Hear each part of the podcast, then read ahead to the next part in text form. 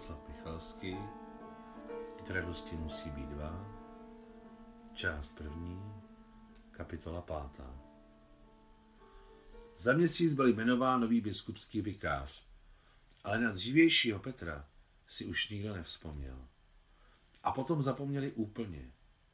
A jen stařena, matka mrtvého, která teď žije u zetě Jáhena v ospalém újezdním městečku, když večer vycházela, aby zahnala svou krávu a scházela se na pastvině s druhými ženami, začínala vyprávět o dětech, vnucích a o tom, že měla syna biskupa.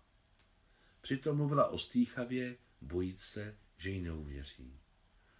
A samozřejmě ne všichni věřili. Když dočetla svou oblíbenou povídku Antona Pavloviče Čechova Archierej, zavřela Anna Karpovna knihu a došla ke dřevěné bedně u dveří. Bez luku zvedla těžké víko, položila knížku na místo ke stovkám dalších, které tam ležely v úkrytu.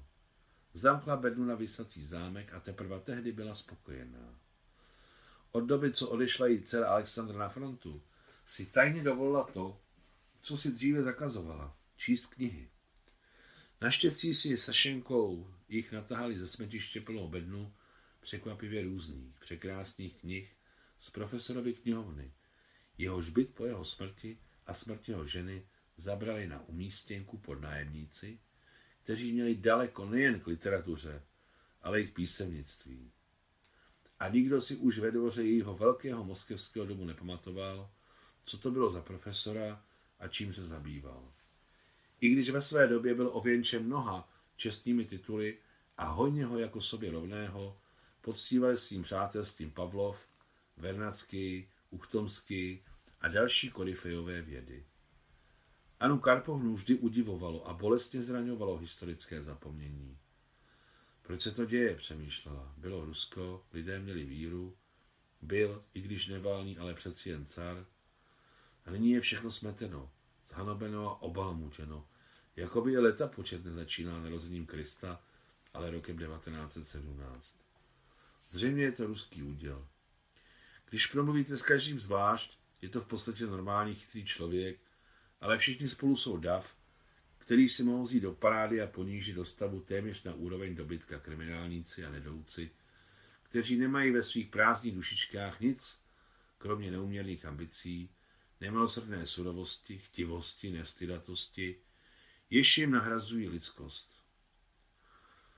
A vždycky po každé píše historii ruského státu znovu. Nový patolí zalové. A nebylo to s Romanovci stejné, jako s dnešními vládci živých a mrtvých duší? Vždy také začali psát historii státu od roku 1613. Pověsili následníka trůnu tříletého Ivana a začali. Bože, opravdu tak bude i po sovětské vládě? Anna Karpovna nikdy nepochybovala, že bude odstraněna sovětská vláda. A co bude potom? Bude lépe? Zkušenost celého lidstva ukazuje, že sotva. Nenadarmo se říká v písmu za hladovými krávami jdou hubené. Od roku 1920, od té samé chvíle, kdy se Anna Karpovna skutečně ujistila, že muž je mrtev, začala se každý další boží den cítit jako voják v zákupu první linie. Možná proto celá ta léta nikdy neonemocnila a nezlomila se, ale jen stvrdla těžkou prací. Bůh jí hodně vzal, ale ponechal zdraví jak jí, tak jejím dcerám. Pravda, vzal prvorozeného Evgenie, který padl v námořní bitvě s Němci 5. listopadu podle starého kalendáře 1914. Od doby, co se Alexandra že odhalila, a hlavně od toho dne, kdy její dceruška odešla do války, staly se v dušiAny Karpovny velké změny. Celá ta léta se cítila jako součást svých dětí. S Alexandrou, se kterou byli spolu, i s Mariou, ačkoliv ta se potulovala neznámo kde, ale stejně měla své místo v její mateřské duši. Byla s dětmi natolik, že se dokonce ani necítila jako samostatný člověk. A teď si najednou Anna Karpovna uvědomila, co měla kdysi dávno a nyní se to vrátilo. Uvědomila si své já, svou jedinečnost na tomto světě, své tělo a svoji duši. Začalo to tím, že zhruba měsíc po Sašenčině odjezdu na frontu se jí zdálo, že je malá holčička. Šli od někud s pravičkou Jekatěrinou Ivanovnou po letní prosluněné cestě zarostlé po obou stranách husím kvítkem. Den nebyl příliš horký, i když byl jasný. Bylo to pravděpodobně někde blízko jejich rodinné usedlosti. Napůl žertu a napůl vážně říkali v rodině prababičce Kateřině Kateřina Veliká. Odlišovala se pevnými mravy, všem bez výjimky tykala, šňupala tabák ze stříbrné tabatěrky a pak všíkala do bílého lněného kapesníku tak sladce a radostně, že vnučka najednou se potají zkusila šňuka, šňupat tabák, až se málem udusila. A prostřelo jí to hlavu tak, že plakala, až si skoro oči vyplakala. Nebuď nána, Nusio, řekla jí tenkrát babička. Co je dovoleno bohovi, není dovoleno volovi. A proč volovi? Zeptala se skrze slzy zvědavá Nusia.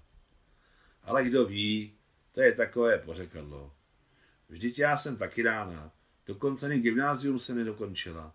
V 16 jsem utekla pod čepe s důstojníkem očetníků, protože se mi tak líbil jeho knír.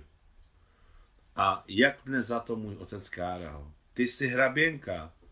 A já mu nic neodpověděla, ani půl slůvka, i když jsem si myslela to samé, co si myslím i teď na stará kolena. Ano, Nusio, jsme z hraběcího rodu, no a co? Co ti mohu děvečko říct o hrabatech, knížatech a dalších baronech? Vždyť všichni jsou původem buď zbojníci, nebo bandité, nebo tuláci. Poctivě získané velké bohatství na světě nebývá. Průměrný příjem lze dosáhnout i prací, ale velké bohatství se ctí nezíská.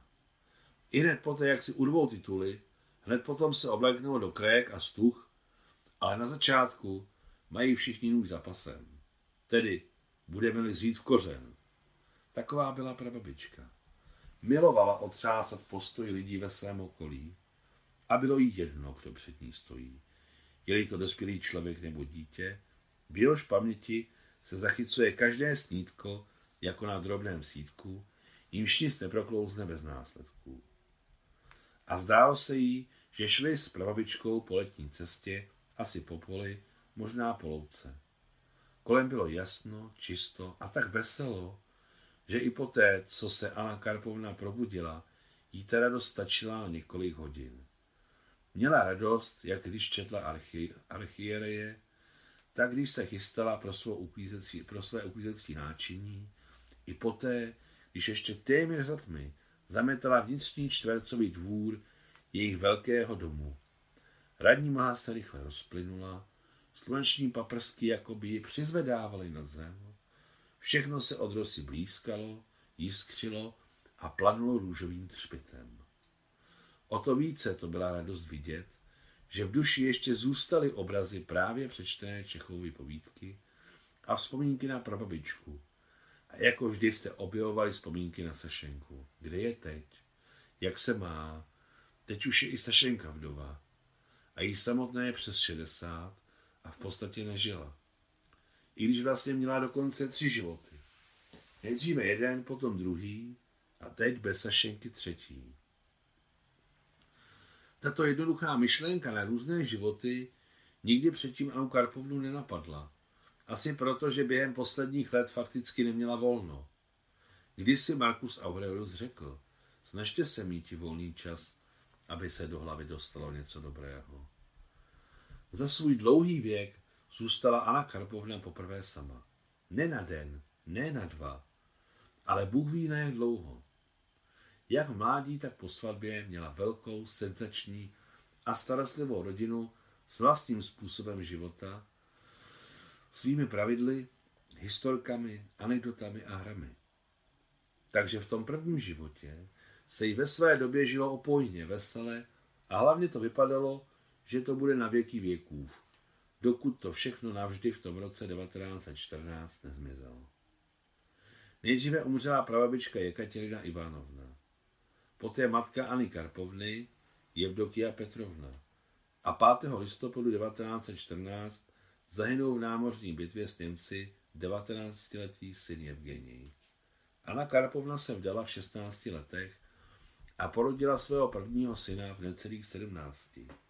Porod byl lehký, jak to v mladých letech bývá. Z Evgenie by pravděpodobně časem vyrostl znamenitý člověk. Od 12 let byl posedlý vášní napsat historii ruské černomorské flotily a s neobyčejnou energií sbíral všemožné poznámky, svědectví, relikvie, eh, relikvie, obrázky umělců malujících moře a další materiály o historii černomorské flotily. A tak si vedl své vlastní záznamy. Na tlustých deskách, do kterých skládal všechno, co bylo z jeho pohledu důležité, bylo napsáno Zpráva o historii černomorské ruské flotily. Byl žandarmarínem Sevastopolského námořního sboru a v souvislosti s tím, že 1. srpna 1914 vyhlásilo Německo-Rusku válku, byl mimořádně povýšen do hodnosti poručíka a poslán na bitevní loď Jevstafii. Jeho služba nebyla dlouhá. Na svou první a poslední válečnou plavbu se jeho loď vydala od mola severní sevastopolské zátoky, té samé, kde jejich rodinu odloučil dav a ke kterému teď plula Alexandra Alexandrovna, pokradnou v německé rakvi. Konec páté kapitoly.